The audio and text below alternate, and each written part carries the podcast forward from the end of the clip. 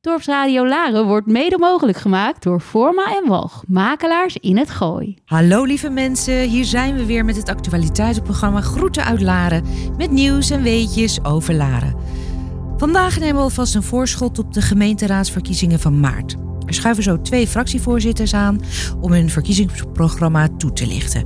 Bart Vos van Groen Laren en Karel Loef van Larens Behoud. En verder uitgebreide informatie over de dagbehandeling voor dementerenden in de Larikshof van de Stichtse Hof. En in het kader van de herdenking van de Holocaust schuift Ineke Hilhorst aan. Verder horen we Beb de Boer weer met een verhaaltje van vroeger, dit en meer. Nou, ga er lekker voor zitten, of misschien ben je wel aan het koken, of zit je in de auto. Blijf lekker luisteren naar Groeten uit Laren. De gemeente Blarikum, Eemnes, Laren en waterschap Amstelgooi en Vecht gaan samen een visie opstellen voor de aanpak en verbetering van de Gooiengracht. Dit is hard nodig omdat de waterbodem is vervuild, er veel achterstallig onderhoud is en om de Gooiengracht toekomstbestendig te maken. Zij willen rekening houden met meer, maar ook met minder water. En er zullen afspraken gemaakt worden over het toekomstig onderhoud van de gracht zelf, de oevers en de directe omgeving. De drie gemeenten en het waterschap hebben dit vastgelegd in de intentieverklaring Integrale Aanpak Gooiengracht. De partijen hebben deze vorige week woensdag 26 januari gezamenlijk ondertekend. Erika, waarom is er eigenlijk een integrale aanpak nodig? Nou, de Gooiengracht die voert regenwater af uit het Gooi naar het Eemmeer en kan water bergen en vasthouden. Ook voert de gracht het gezuiverde rioolwater af van de rioolwaterzuiveringsinstallaties in Hilversum en Blaricum. Blaricum. En de Gooiengracht die ligt precies op de grens van de gemeente Blaricum, Laren en Eemnes. En ook de grens van twee waterschappen en twee provincies. Ja, dat maakt het natuurlijk heel ingewikkeld. En dan vraag ik me af, waarom is er zoveel achterstallig onderhoud? Nou ja, dat er in het verleden te weinig aan gedaan is, dat komt dus door die onduidelijke verantwoordelijkheden. Het beheer van de Gooise Gracht is dus versnipperd tussen die drie aangrenzende gemeenten, maar ook het waterschap Amstel, Gooi en Vecht. Dan heb je de, de waleigenaren, meest particulieren, en ook het Rijk, dat extra geld beschikbaar stelt voor de sanering van de waterbodem. En wat gaat er nu precies gebeuren en weten we ook al wanneer?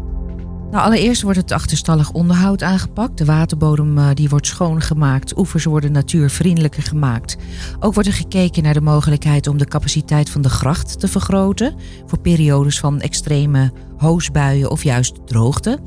En ook wordt er aandacht besteed aan de landschappelijke inpassing van de Gooiengracht aan, in haar oevers. Uh, zodat het een fijn gebied blijft om uh, te wandelen en te fietsen. 2022 is het jaar van de plannen uitwerken met de uitvoering in 2023. Ja, en dan nog een strikt vraag. Worden de bewoners eigenlijk hierbij betrokken? Ja, dat is een goede vraag. Ik hoop het. Eh, de afgelopen jaren vonden er gesprekken plaats tussen die, die drie gemeenten en het waterschap over het gezamenlijk onderhoud. Uh, dit heeft dus geleid tot die intentieverklaring, integrale aanpak Gooiengracht. De partijen verklaren hiermee dat ze zich gezamenlijk gaan inzetten voor het opstellen van een visie en een uitvoeringsprogramma. De visie moet aangeven welke ingrepen er nodig zijn, wie deze gaat uitvoeren en wanneer. En er wordt gezegd dat de visie in samenspraak met de omgeving wordt opgesteld. Ben benieuwd. De personele problemen binnen de gemeentelijke afvaldienst, de GAD, door ziekteverzuim of door quarantaine, die zijn in ieder geval voorlopig voorbij. De versoepelingen van de quarantaineregels binnen de Gooise afvalinzamelaar zijn met gejuich ontvangen. Volgens een woordvoerster van het GHD was het de afgelopen pakweg drie weken lang een crime om de werkroosters rond te krijgen. Ook hier waren veel medewerkers ziek of moesten in quarantaine vanwege een besmetting binnen het eigen gezin. Dat leidde tot een ziekteverzuim van maar liefst 12 procent. Het is voorgekomen dat de containers niet konden worden geleegd door gebrek aan personeel. Nou, dat is inmiddels wel hersteld, verklaren zij. Uh, namens de GID gaan dagelijks 48 medewerkers als chauffeur of belader de straat op om het afval op te halen in de wijken. En dan komen er ook nog eens 10 uit de zogenaamde flexibele schil bij, ook als chauffeur of belader, plus nog 16 beladers extra inhuur. Nou, dat is de situatie tijdens normale weken. De afgelopen periode waren er meer mensen nodig vanwege het ophalen van die kerstbomen. En dat betekende bijna drie weken dagelijks zes extra wagens plus bemensing. Uiteindelijk moesten er medewerkers uit Friesland komen om hier ons afval op te halen. Nou, door de versoepeling van de quarantaine, quarantaineregels is er weer een normale bezetting.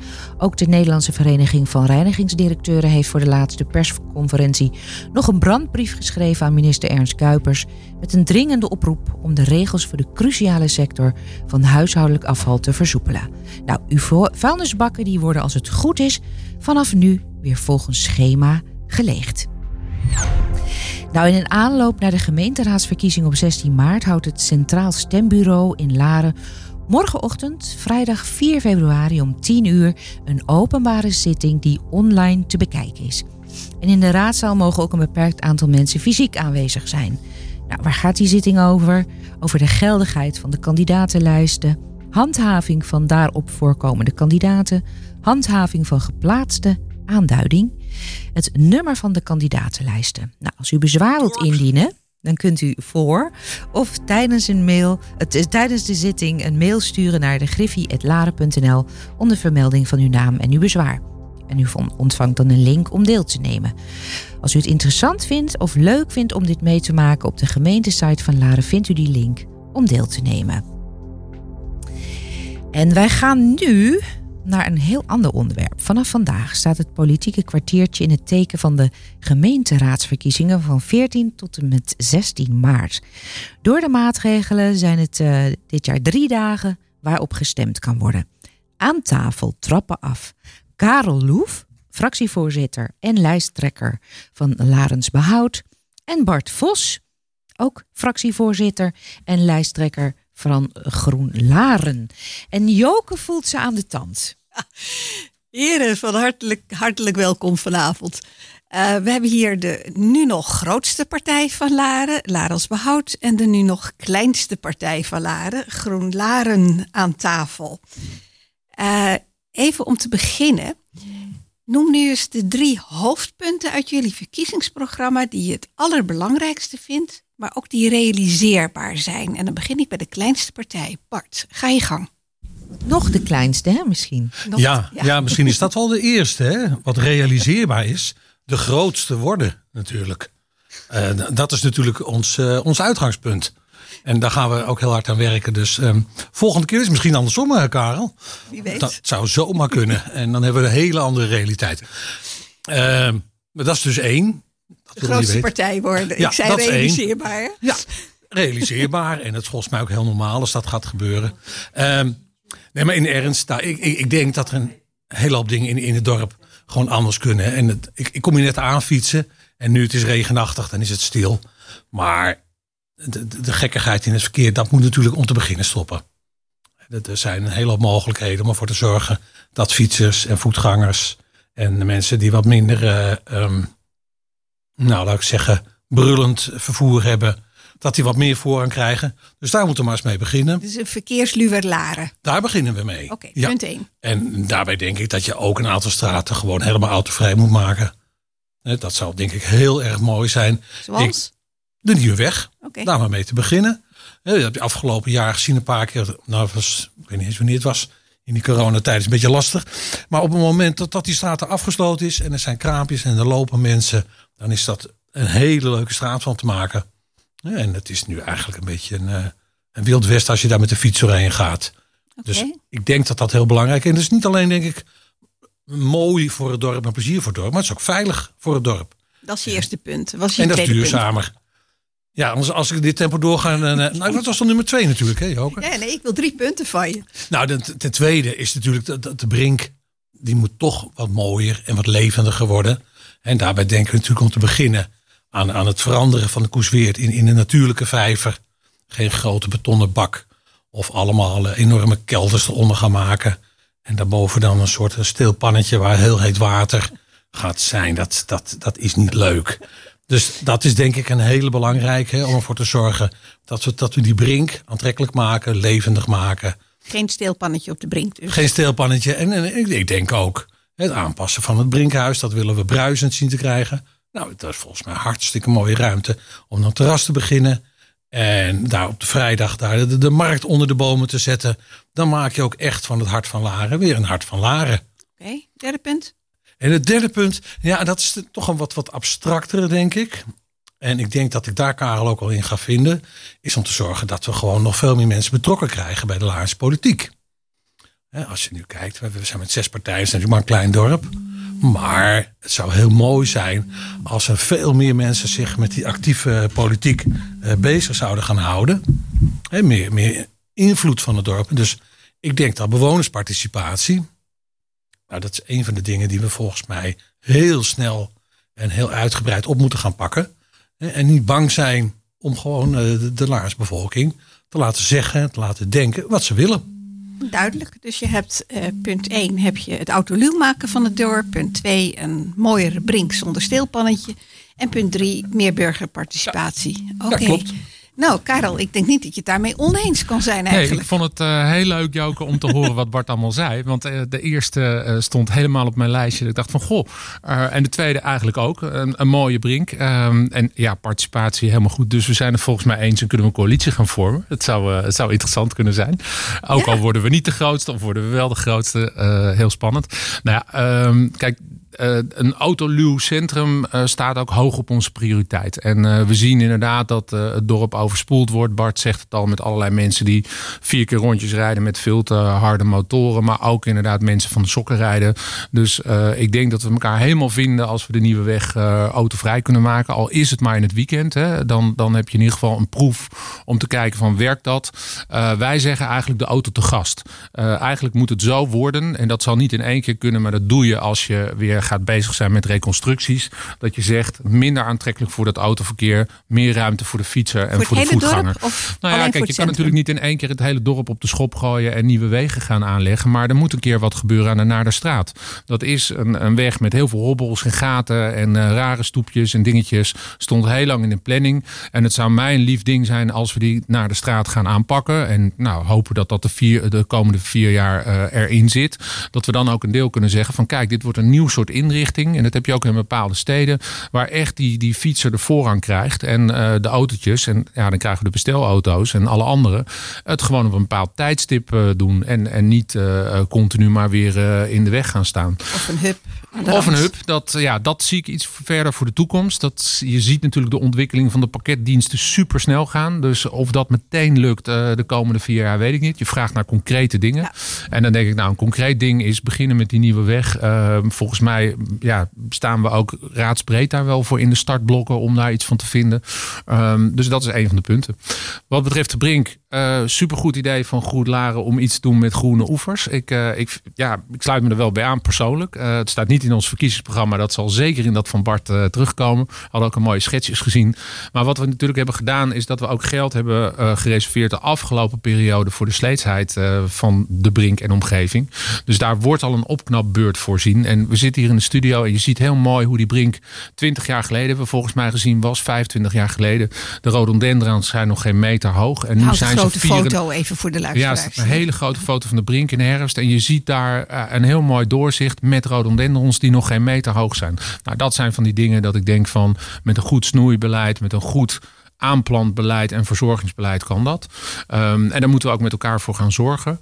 En wat ik heel interessant vind, uh, wat wij in het verkiezingsprogramma ook hebben gezegd, is uh, gewoon echt kijken naar plekjes waar we uh, nog betaalbare woningen neer kunnen zetten. En ook experimentele woningen.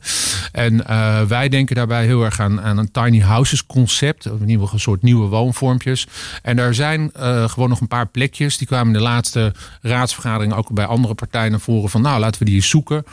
wij denken dat er in ieder geval plekjes zouden kunnen zijn waar je van die woningjes zou kunnen neerzetten. Ook passend in de omgeving. Welke plekjes zijn dat dan? Nou ja, er zijn een paar, paar stukjes groen waar je van je moet onderzoeken. Ik ga nog niet precies zeggen welke. Die verrassing hou ik nog even, Joker. Maar uh, ja, le ze ook aan als jij ze ziet. Want ik denk dat jij ze in het dorp misschien ook wel weet. En, uh, en Bart weet ze waarschijnlijk ook wel. Um, en ja, we moeten kijken of we daar iets mee kunnen. En het mooiste is natuurlijk als dat gemeentegrond is. Want dan kun je ook echt iets realiseren. En dat is natuurlijk schaars. Dat is natuurlijk heel schaars. Nou, dat is uh, duidelijk. Jullie kunnen al aan een coalitie beginnen, denk ik. Wat jullie drie hoofdpunten zijn. Dat nee? Ik niet door Joker. Kijk, uh, kijk, het klinkt nu net alsof Karel en ik uh, BFF zijn geworden. Maar de afgelopen vier jaar is daar natuurlijk helemaal geen klap van terechtgekomen. Hè? En nu gaan schermen met sociale woningbouw overal. Ehm, er is net nog eh, het gemeentehuis versjaggerd. En daar mag niks gebeuren. Zelfs geen onderzoek of daar sociale woningbouw kan komen. Nou, dat is een uitgelezen locatie. Er is een hele, hele rel geweest over de padelbanen. Was een fantastische locatie geweest om eh, huizen neer te zetten. Ja, en, en nu met de verkiezingen in aantocht is het niet zo moeilijk om te zeggen, nou, sociale woningbouw, dat is heel belangrijk. Daar heb ik de afgelopen vier jaar heel weinig van gemerkt. En als ik ga kijken wat hier gaat gebeuren, hè, waar we nu nog zitten. Nou, ik denk bij de volgende verkiezingen zitten wij er in ieder geval niet, maar wel mensen met eh, veel geld en een groot appartement. Dus ehm, ik wil het, ehm, onze vriendschap iets nuanceren. Voorzichtig. Oké, goed. Duidelijk gemaakt. Dan heb ik nog een paar stellingen voor jullie. Ehm, als ik zeg, winkeliers krijgen eh, na de verkiezingen alle ruimte in Laren. Maakt niet uit wat voor soort winkel, ook bijvoorbeeld een CNA als ze dat zouden willen. Bart, ja of nee? Ja hoor. Nou ja, kijk. Er zit één nuance in. Ik denk wapenhandel, daar kun je nooit voor zijn. En je zou eh, heel goed moeten kijken hè, of, of dat ook wel past in, in, in een duurzame samenleving.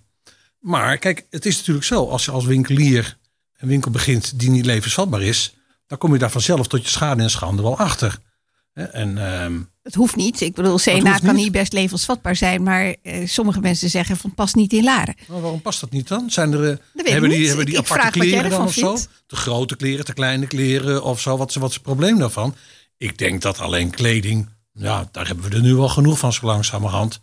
En ehm, ja, als, als die mensen denken dat ze een levensvatbare business van kunnen maken, dan kan je ze niet beletten. Maar ik zou meer hopen op wat, wat, wat meer innovatievere organisaties, in innovatievere bedrijven. En niet alleen maar retail en nog een stuk of wat kappers, slijterijen en schoenenwinkels en al die dingen waar we er al veel te veel van hebben. Oké, Karel. goed, die selecteren zichzelf al uit, denk ik. Karel. Ja, de, je ziet aan de, aan de winkels eh, dat ze het moeilijk hebben. Want het is coronatijd geweest en eh, eh, er zijn hoge huren. En de microfoon valt bijna om, maar het gaat goed. Ehm, en je ziet dat, dat het lastig is.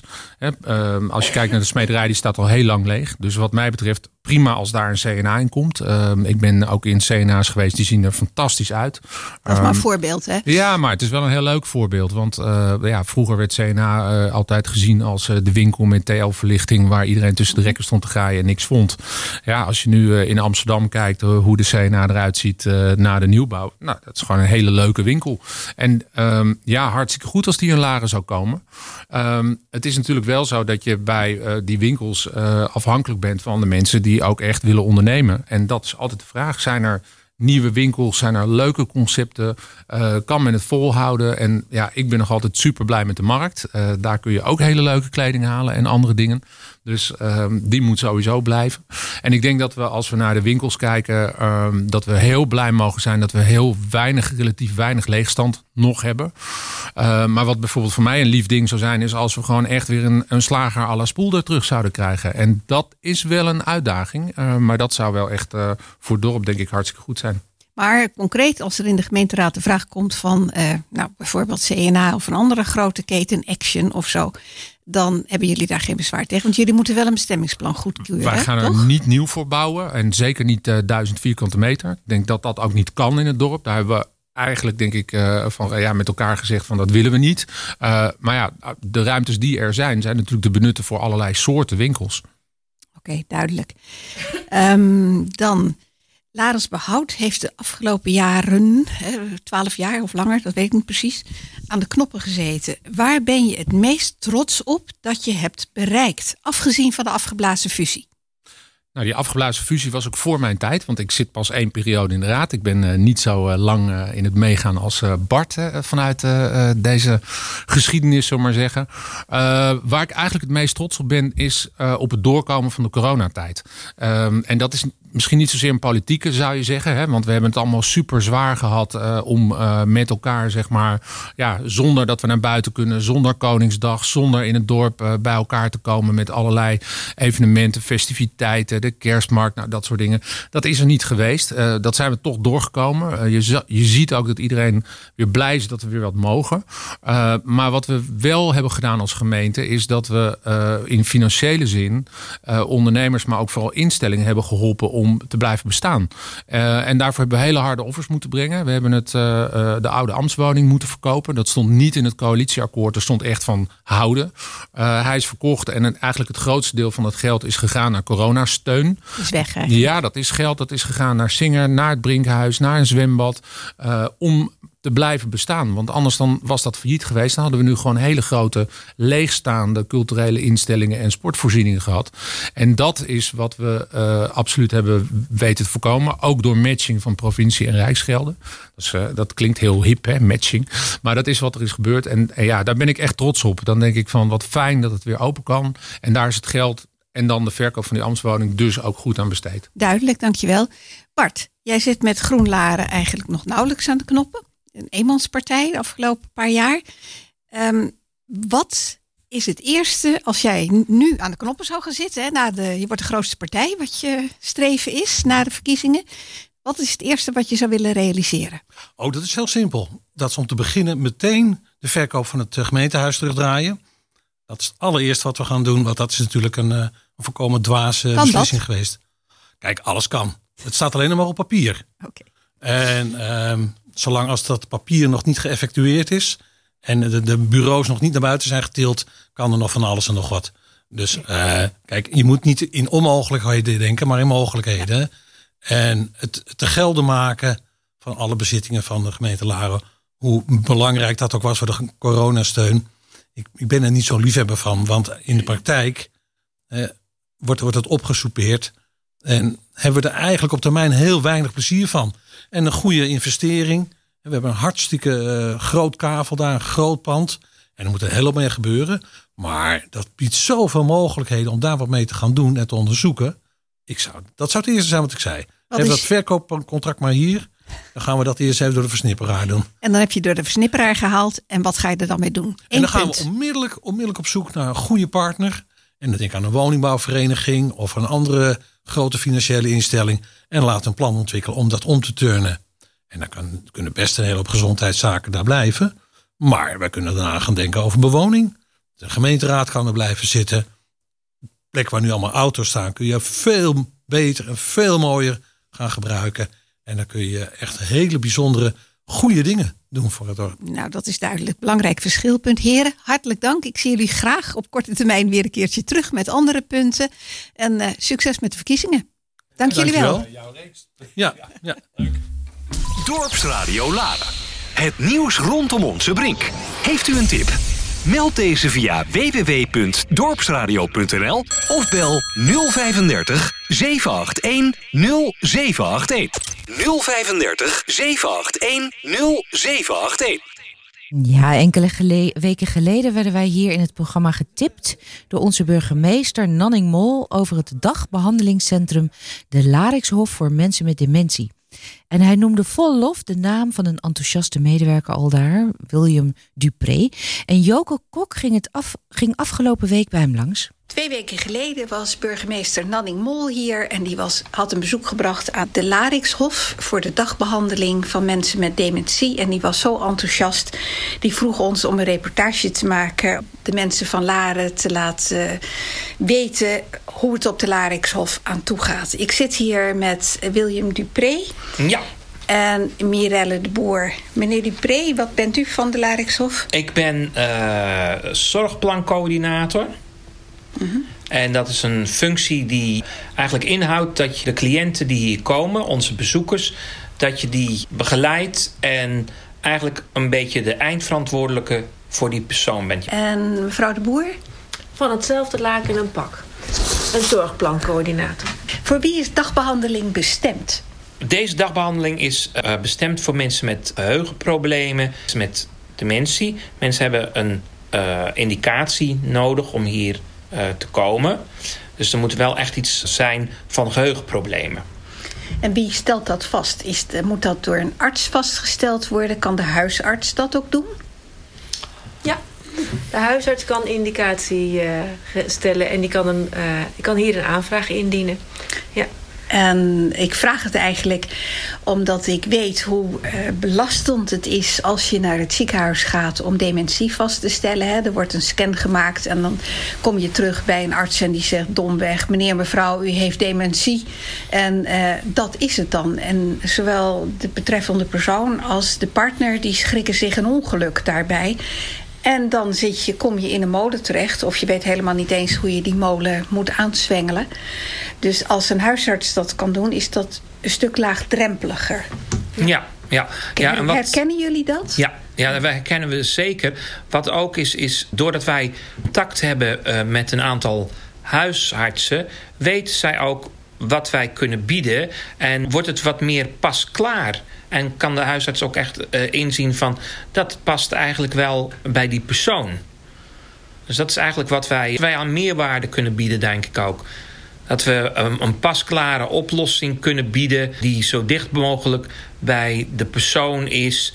En gaandeweg het proces duiken wij ook meer in... Uh, hoe, wat die persoon beweegt in zijn leven... en hoe wij hem kunnen bijstaan. En hoe hij nog steeds uh, mens kan zijn met zijn ziekte, uh, met zijn dementie. Ja, dat is eigenlijk heel erg belangrijk. Hè? De mensen moeten in hun eigen waarde gelaten worden. Want in wezen is dementie dat wat er gebeurt. Het ontneemt je je menselijke waarde. Ja. Als je zegt in waarde gelaten worden... dan denk ik dat we hem hier nog een stapje verder pakken.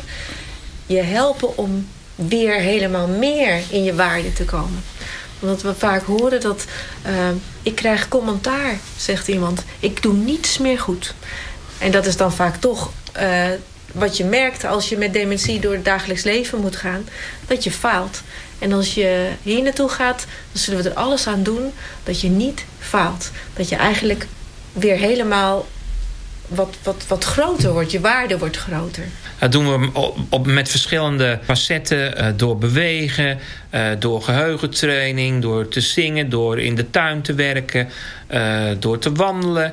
Uh, maar ook gewoon uh, naast iemand te kunnen zitten als iemand verdriet heeft of uh, als er problemen zijn. Luisteren naar iemand, ondanks dat je het verhaal niet begrijpt. En de tijd nemen voor het hele verhaal, ondanks dat je niet ja. weet wanneer het afgelopen gaat zijn. zodat die persoon zich echt gehoord voelt. Ja, en het verhaal ook voor de duizendste keer horen. Hè? Precies. Ja, ja, echt waar. Ja. ja. Ja, En dat is ook wel heel erg moeilijk als je als partner daarnaast staat... en je hoort het verhaal ongeveer tien of twintig keer op een dag... Zo. en dat dag in, dag uit... dan is het bijna een onmogelijke opgave... om, eh, om daar nog geïnteresseerd bij te kijken, zou ik haast zeggen. En dat kunnen ze hier wel kwijt. En doen ze dat ook bij uh, de andere mensen die hier rondlopen? Lukt dat? Of doen ze het alleen bij jullie? Nee, dat gebeurt ook wel bij de medebezoekers. Want het sociale contact, wat er is ook echt heel erg belangrijk. Wat mensen vaak ook opmerken is van... Uh, oh, oh, jij hebt het ook. Uh, dus ze voelen zich verbonden omdat ze het herkennen of kunnen bevestigen naar een ander. En daardoor voelen ze zich vaak gesteund. Maar over het algemeen is er naar elkaar toe een grote acceptatie en laten mensen, mensen ook uitspreken. Het is, het is een wonderlijk groepsproces wat er plaatsvindt. Ja. Kunnen jullie nou zien aan mensen die hier komen dat ze zich meer begrepen voelen dan thuis? Dat het ze goed doet in zo'n gezelschap van gelijkgestemden, zeg maar? ja. ja. Ja, absoluut. Ik had uh, heel toevallig vandaag meneer die uh, na de lunch de de, de borden van de tafel ging halen. En toen dacht ik, nou ja, laat hem dat nou maar doen. Want hij ziet waarschijnlijk de mogelijkheid van... gods, ik wil een bijdrage leveren uh, aan hier... en de boel moet opgeruimd worden. Dus ik praat met hem, zeg ik van... oh, dus u gaat de tafel opruimen? Ja, ik ga het doen, want ik moet dat thuis ook doen. En ja, thuis gaat het niet altijd even goed... en dan krijg ik op mijn kop... zeg ik, maar goed, dat maakt hier niet uit... Want ik ga jou helpen en zet het maar weg. En dan gaan we stap voor stap kijken hoe het gaat. En hoe uh, is de groepsgrootte zo gemiddeld? We hebben twee groepen die op de Larixhof komen. We hebben eigenlijk groot Larixhof en klein Larixhof. Op groot Larixhof is meer de het behouden van functie en trainingen. En op Klein Larikshof ligt de nadruk meer op acceptatie en op het sociale. Zijn er twee verschillende groepen of loopt het ook door elkaar? Gaat Klein Larikshof ook wel naar Groot Larikshof en Mm, omgekeerd? Het komt voor, maar niet veel. Het cognitieve gedeelte uh, op Groot is nog in die mate aanwezig. En daar is nog zoveel mogelijkheid tot training. Dat de mensen die uh, verder in het dementeringsproces zitten, dat die zich soms niet kunnen wijzen eigenlijk. Uh, en de, dan gaat het fout in de, in de groep vaak. Want ja. die mensen merken dus wel op van... hé, hey, jij weet het niet of, uh, of zie je dat je het niet kan. Dat klimaat is dan wat minder veilig en dat willen we voorkomen. Dus de mensen uh, op groot Larix moeten echt wel cognitief uh, bepaalde dingen echt goed kunnen. Uh, en daar wordt echt ook trainingen gegeven en geheugentrainingen. Maar ook taaltrainingen en, en rekenen. Om zo geheugen in de hersenen en de functies te stimuleren. Dat is op klein of de kleinere groep is dat minder. Die kleinere groep bestaat om nabij maximaal 15 à 16 mensen. Dat is nu met de corona natuurlijk niet zo.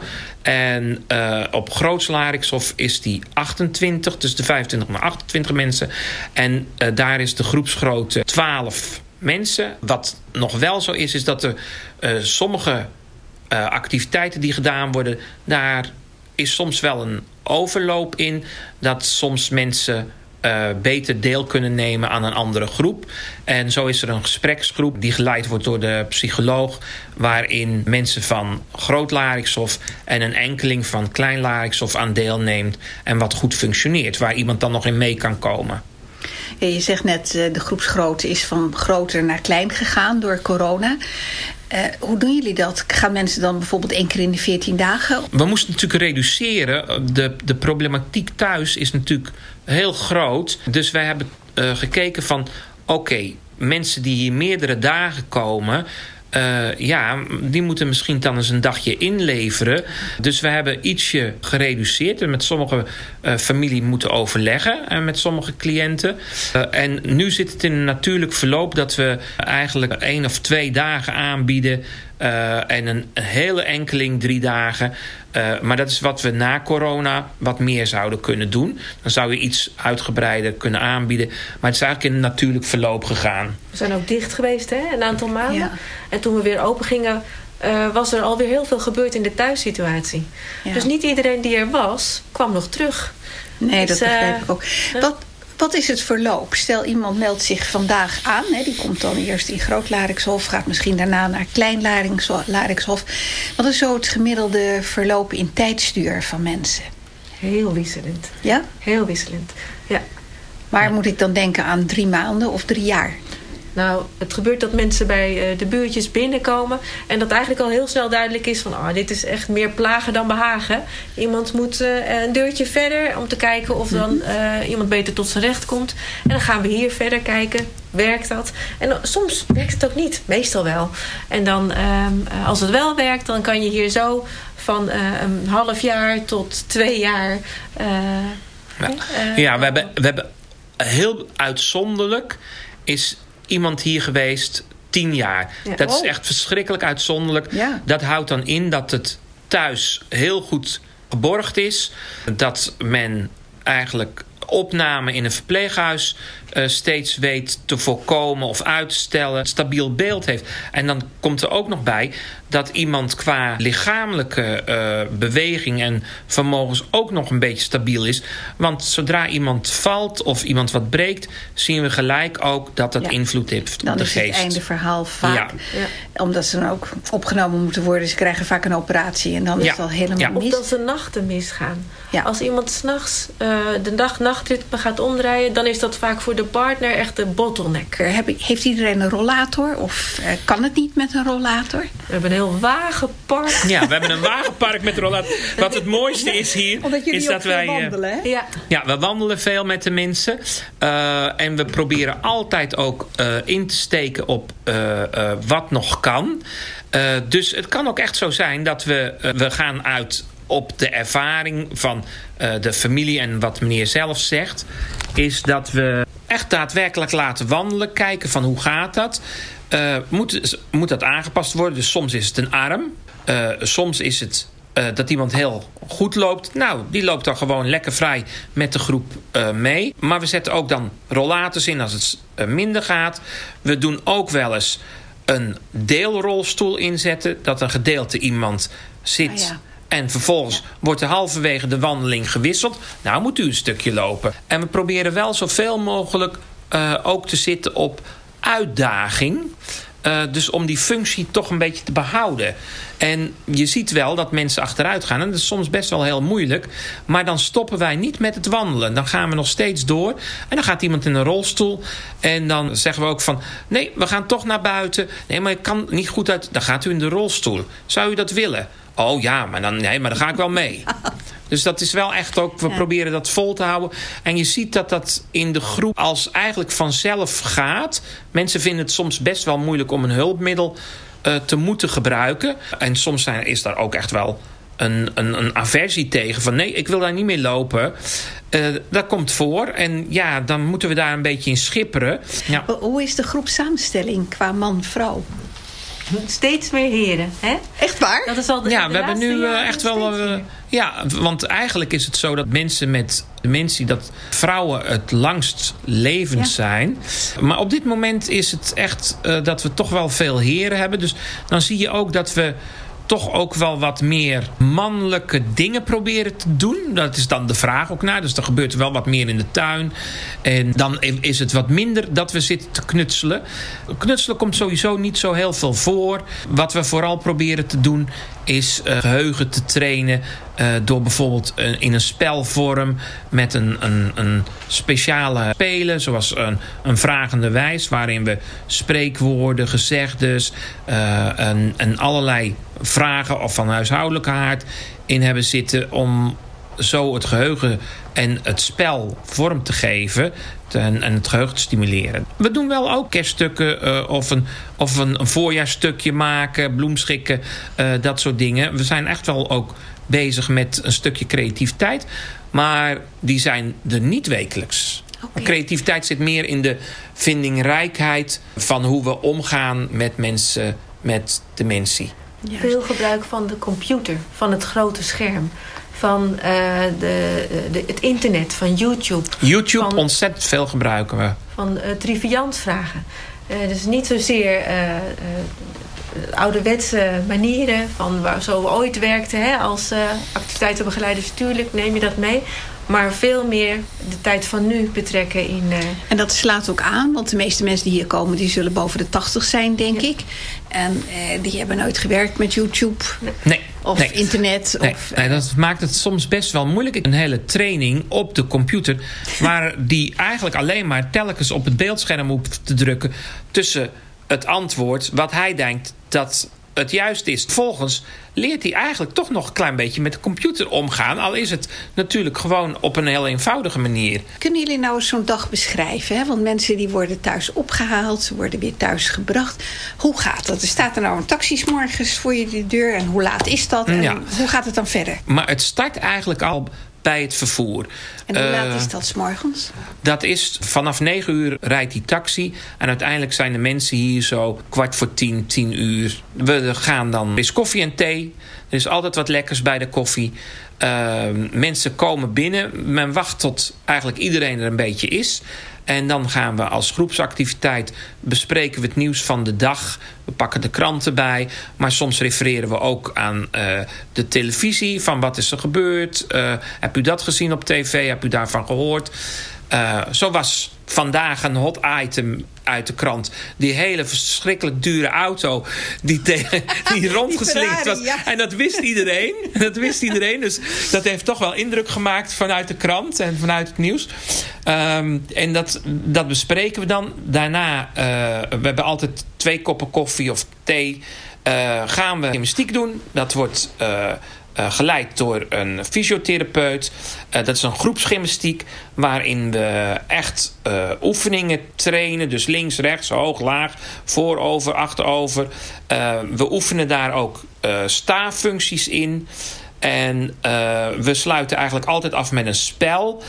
wat altijd grote hilariteit geeft en wat ook eigenlijk het spontaan bewegen heel erg stimuleert. En eigenlijk ook het groepsgevoel. Dus uh, vanuit die gym hebben we altijd uh, de lunch. We lunchen uh, samen met de mensen. En we hebben bij de lunch altijd iets warms. Er is altijd soep vanuit de keuken van de Stichtse Hof. En we hebben altijd iets warms als maaltijd. Een tosti, een gebakken ei of een kroket. We proberen de mensen altijd een beetje te plezieren. Na de lunch hebben we vaak een moment van rust. We hebben de mogelijkheid dat er ook echt iemand ook echt kan gaan liggen op een bed. En we hebben ook wat luie stoelen die gekanteld kunnen worden. En waar een voetenbankje bij kan. Waar zelfs ook mensen uh, toegedekt willen worden. En soms geven ze ook nog wel een seizoen op het hoofd. Van nou, rust maar even. Andere groep die dan nog eigenlijk wat actiever is, die kan gaan wandelen. En dat duurt tot kwart voor drie, half drie. Uh, we doen dan eigenlijk altijd een toetje.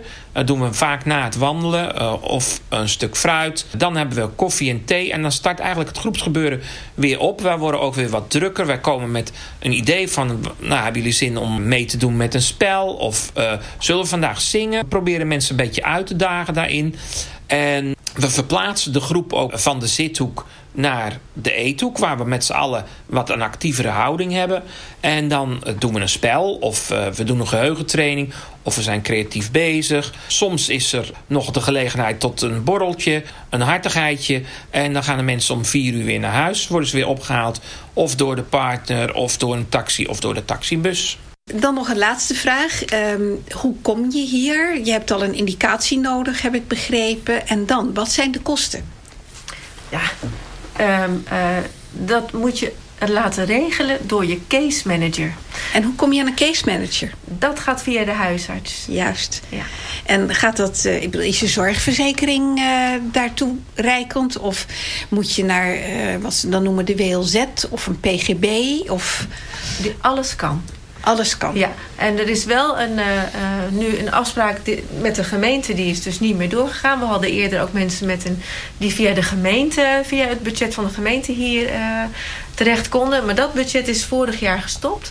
Dat, misschien komt dat in de toekomst weer niet. Nee, misschien net niet. Maar die mensen dus niet. Maar dan moet je via de wet langdurige zorg, via een persoonsgebonden budget. Um, maar het is wel, het is een dure toestand, maar het is natuurlijk wel verzekerd. Maar er is een eigen bijdrage en die hangt af van de hoeveelheid zorg die je al afneemt.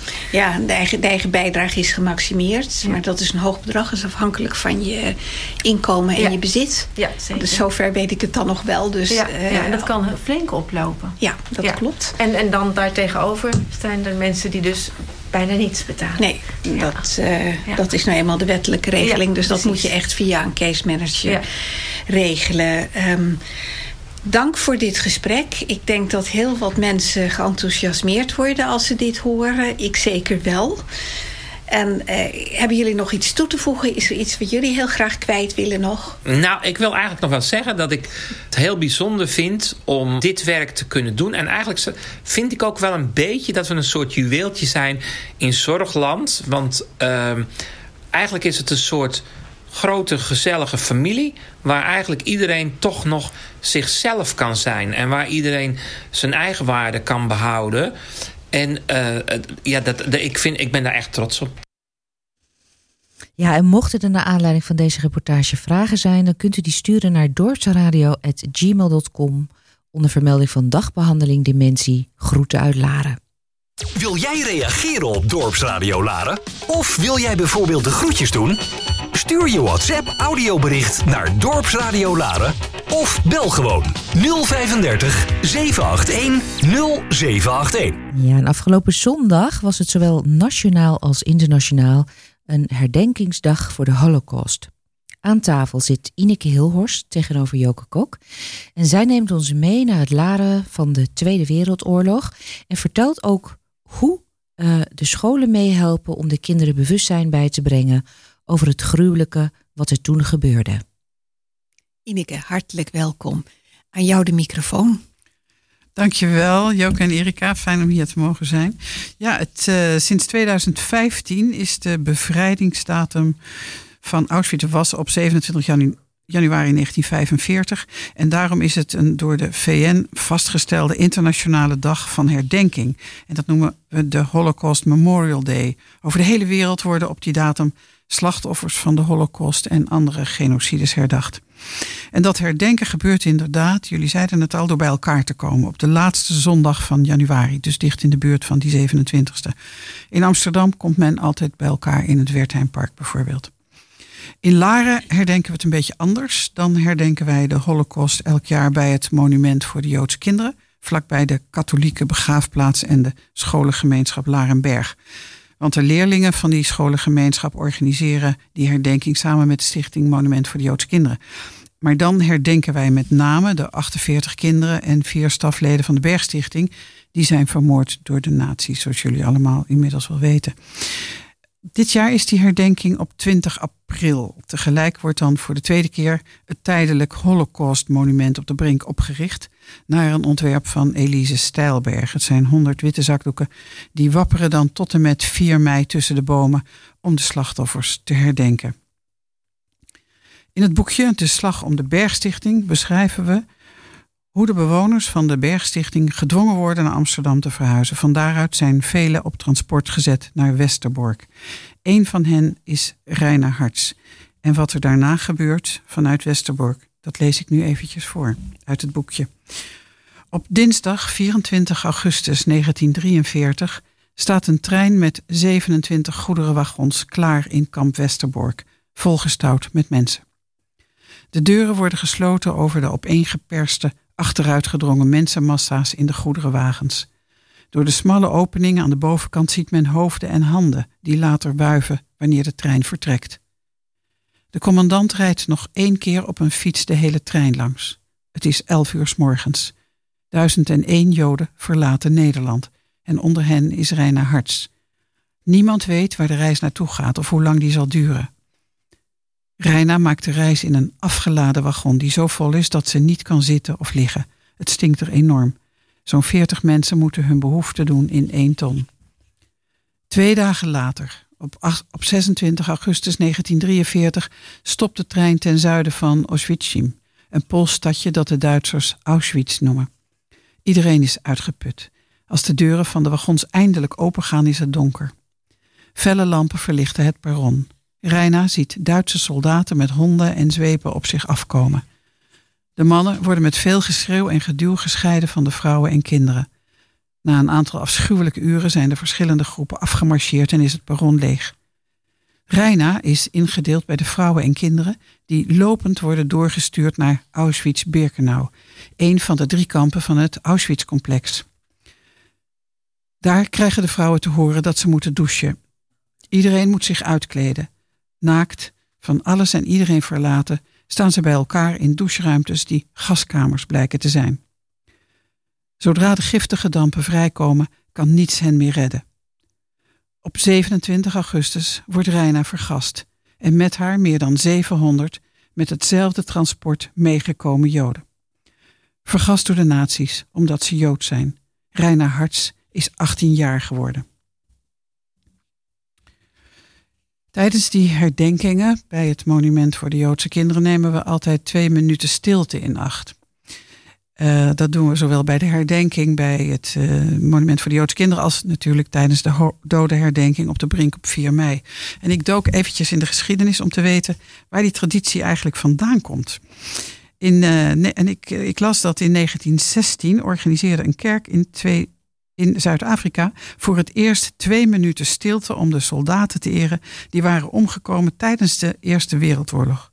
De eerste minuut voor diegenen die waren overleden of waren omgekomen, gesneuveld. De tweede minuut om de mensen te eren die levend waren teruggekeerd uit de strijd, maar voor wie de oorlog nog generaties lang impact zou houden. Een jaar na de Tweede Wereldoorlog hebben wij in Nederland, net zoals veel andere Europese landen, die twee minuten overgenomen als traditie. En tijdens deze twee minuten herdenken wij de mensen die de oorlog niet hebben overleefd. En eigenlijk zou het mooi zijn om in de tweede minuut de mensen te gedenken die de Holocaust hebben overleefd, die terugkwamen uit de concentratiekampen of hebben weten te ontkomen aan de vervolging door onder te duiken. Voor hen leeft de oorlog ook voort. En een van de overlevenden van de Holocaust is Moutje Cohen, die met zijn broertjes Loutje en Hans in de Bergstichting woonde. Ik lees een stukje voor uit het boek over Moutje. Het leven van Moutje Cohen is drie keer door Rijtsema gered. Eerst in oktober 1942 in Laren, als Moutje en zijn twee broers door de Duitsers worden opgeëist om naar Westerbork te worden getransporteerd. De tweede keer is in februari 1943, als de Duitsers het Rapenburg, waar ze dan wonen, binnenvallen en Moutje bij de kinderen wordt ingedeeld die niet mee hoeven. De derde keer is in het voorjaar van 1943, als Rijtsema een onderduikadres regelt bij een man die Hannes Bogaert heet. Hannes is een opvallende figuur, ongeschoren en met wilde haren. In de buurt noemen ze hem wel de boomaap. Hij helpt vele honderden Joden om onder te duiken. Moutje wordt in een schuur in de boomgaard achter de boerderij van Hannes senior ondergebracht in Nieuw-Vennep. Er blijken nog andere Joden ondergedoken te zitten. En alles gaat goed tot 6 oktober 1943. Op die dag pakt de politie in de Haarlemmermeer een jongen op die vlees van een illegale slacht bij zich heeft. Op het politiebureau wordt hij verhoord en onder druk gezet, noemt hij de naam Bogaert.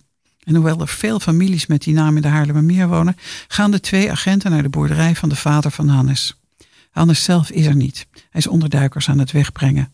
Zijn broer Willem is er wel. De rechercheurs vinden geen sporen van illegaal slachten, want dat doen de boogarts niet. Maar als een van de twee, rechercheur Van Duin uit Heemstede, de schuur inspecteert, ontdekt hij de kinderen. Hij slaat direct alarm en schreeuwt: Jodenkinderen en godjoden, die moeten allemaal mee. Willem Bogaert, die aan het ploegen is, komt meteen aangerend. Kees, een niet-Joodse onderduiker, heeft een pistool. De afspraak is dat de kinderen bij een eventuele inval niet worden meegegeven. Als de regisseur zich dreigend opstelt, schiet Kees hem met één schot dood. Moutje en Mosje, een andere jongen daar, zien het gebeuren. De tweede regisseur gaat er als een haas vandoor, maar ze weten maar al te goed dat hij terug zal komen en dan niet alleen zal zijn. Er ontstaat een chaotische situatie. De onderduikers proberen zich overal in de buurt te verstoppen. De politie komt smiddags inderdaad terug. Ze horen de auto's al vanuit de verte aankomen. Het hele gebied wordt afgezet. Met speurhonden wordt de omgeving systematisch uitgekampt. Willem Bogaert heeft zich met een twintigtal kinderen verstopt naast de sloot. En zodra hij de mannen en honden hoort naderen, spoort hij de kinderen aan om tot hun nek in het water te gaan staan, net als hij zelf. Ook Moutje en Mosje moeten eraan geloven. De kinderen worden niet ontdekt, maar de meer dan dertig volwassenen worden allemaal opgepakt. Moutje gaat naar een volgend onderduikadres en hij komt dan terecht bij een communistische weduwe in Lisse en daarna bij een gereformeerde weduwe in Sassenheim, mevrouw van der Neut. Daar hangt Moutjes leven nog een keer aan een zijdendraad. Hij mag nooit buiten spelen, maar gelukkig vindt hij een vriendje die elke dag spelletjes met hem komt doen. Op zekere dag wordt er aangebeld. Aan de deur staan twee mannen die ene mevrouw Nood zoeken. Mevrouw van der Neut begrijpt best dat ze haar moeten hebben, maar ze zegt heel ad rem: die heeft hier wel gewoond, maar ze is een maand geleden verhuisd. Een van de mannen werpt intussen een blik de kamer in, waarbij hij Moutje recht in zijn gezicht kijkt. En Moutje is er zeker van dat de man ziet dat hij een Joodse jongen is. De man kijkt hem nogmaals aan en draait zich vervolgens om met de woorden: Kom, we gaan. Hier hebben we niets meer te zoeken. Zijn broers Loetje en Hans zitten apart van elkaar ook ondergedoken, maar ze worden beide opgepakt. Hans wordt op 19 november 1943 in Auschwitz vergast en Loetje op 28 januari 1944 ook in Auschwitz. Hans is dan 11 jaar en Loetje 12. Ook hun ouders hebben de oorlog niet overleefd. Pas als in Sassenheim de bevrijding wordt gevierd, mag Moutje voor het eerst weer naar buiten. Hij host de hele dag tussen de feestgangers en merkt pas s'avonds dat hij een van zijn klompen is kwijtgeraakt. Moutje heet nu Mart en hij is nog elk jaar bij de herdenking. Dankjewel Ineke, dat is om stil van te worden. Laten we het nooit vergeten. Dan, Beb zit klaar. Pardon. Jouw dorp, jouw nieuws, jouw muziek. Dorpsradio Lara. Ja, uh, Joke, wil je nog even uh, gedag zeggen aan Ineke? Want het was zo indrukwekkend. Zeker, Ineke, hartelijk dank. En uh, we komen in april weer bij je terug. Ja, en we gaan naar een heel ander onderwerp. We gaan naar Beb de Boer. Die zit inderdaad al helemaal klaar. Uh, onze dorpshistoricus. En hij heeft vandaag een verhaal Klopt het met de microfoon, Beb? Ben je er zover mee over waterpistooltjes, hè? Ja, ja, een waterpistool. Zit de stoel het een goed? waterpistool en geen echte. Ga de stoel nog even goed zetten. Ja, je mag beginnen. Nou, iedere nacht hoorde hij ze weer. Die ellendige jankers, vertelde hij me. Hij deed geen oog dicht, terwijl zijn vrouw heerlijk sliep. Dat gejank, dat eeuwige gejank, daar werd hij stapeldol van. Overdag zag je geen kat, maar zodra de zon onder was, begon weer die ellende. Daar zongen de verliefde katten het hoogste lied. Op een nacht lag hij een plan uit te broeden waar hij, waar hij ze mee kon wegjagen. Vuurwerk kopen en dan knallend naar beneden gooien? Nee, dat was geen goed plan. Dat kreeg hij van zijn vrouw op zijn huid. En de hele buurt op zijn dak. Of de tuinslang mee naar de slaapkamer nemen. En dan aansluiten op de badkamer. Nee, dat zag hij ook niet aankomen. Maar wat dan? Daags na het na nachtelijk ge- kattengejank zag de getergde man enkele jongelui elkaar belagen met een groot plastic apparaat waar het met kracht water uitspoot. Dat is het, dacht hij. Maar hoe kom ik aan zo'n ding en hoe heet zo'n apparaat? Hij stapte naar de kinderen toe en vroeg wat dat voor een werktuig was. Nou, gewoon, zeiden die dappere spuiters. Dat is een waterpistool. Ah, dacht hij, een waterpistool. En waar koop je zo'n ding? En de dappere spuiter, die inmiddels een straal water te verwerken kreeg, brulde lachend bij Bart Smit. Wie Bart Smit was, dat wist hij niet. Maar in het telefoonboek vond hij het. Een speelgoedwinkel. Wel ja. Was hij daar niet een beetje te oud voor? Nou, toch maar even kijken. Op de Klaas Kamper stapte hij de speelgoed, het speelgoedparadijs binnen. En een verkoopster kwam meteen op hem af. Kan ik u helpen, meneer? Ja, stammelde hij. Ik zoek een apparaat waar je water mee kan spuiten. Dat kan, meneer, zei de verkoopster en ze liep naar de stelling waar ze lagen. Ze wist precies wat hij zocht. Is het een cadeautje, meneer? vroeg ze. Eigenlijk wel, zei hij, en hij dacht aan een cadeau dat hij de katten zou geven. Het waterpistool werd keurig ingepakt en nadat hij afgerekend had, ging de getergde man huiswaarts. En hij trof het. Zijn vrouw was niet thuis. Hij kon zijn wapen even uitproberen. Water erin laten lopen, even pompen en dan... En op dat moment komt zijn vrouw de tuin inlopen. En die ving een harde straal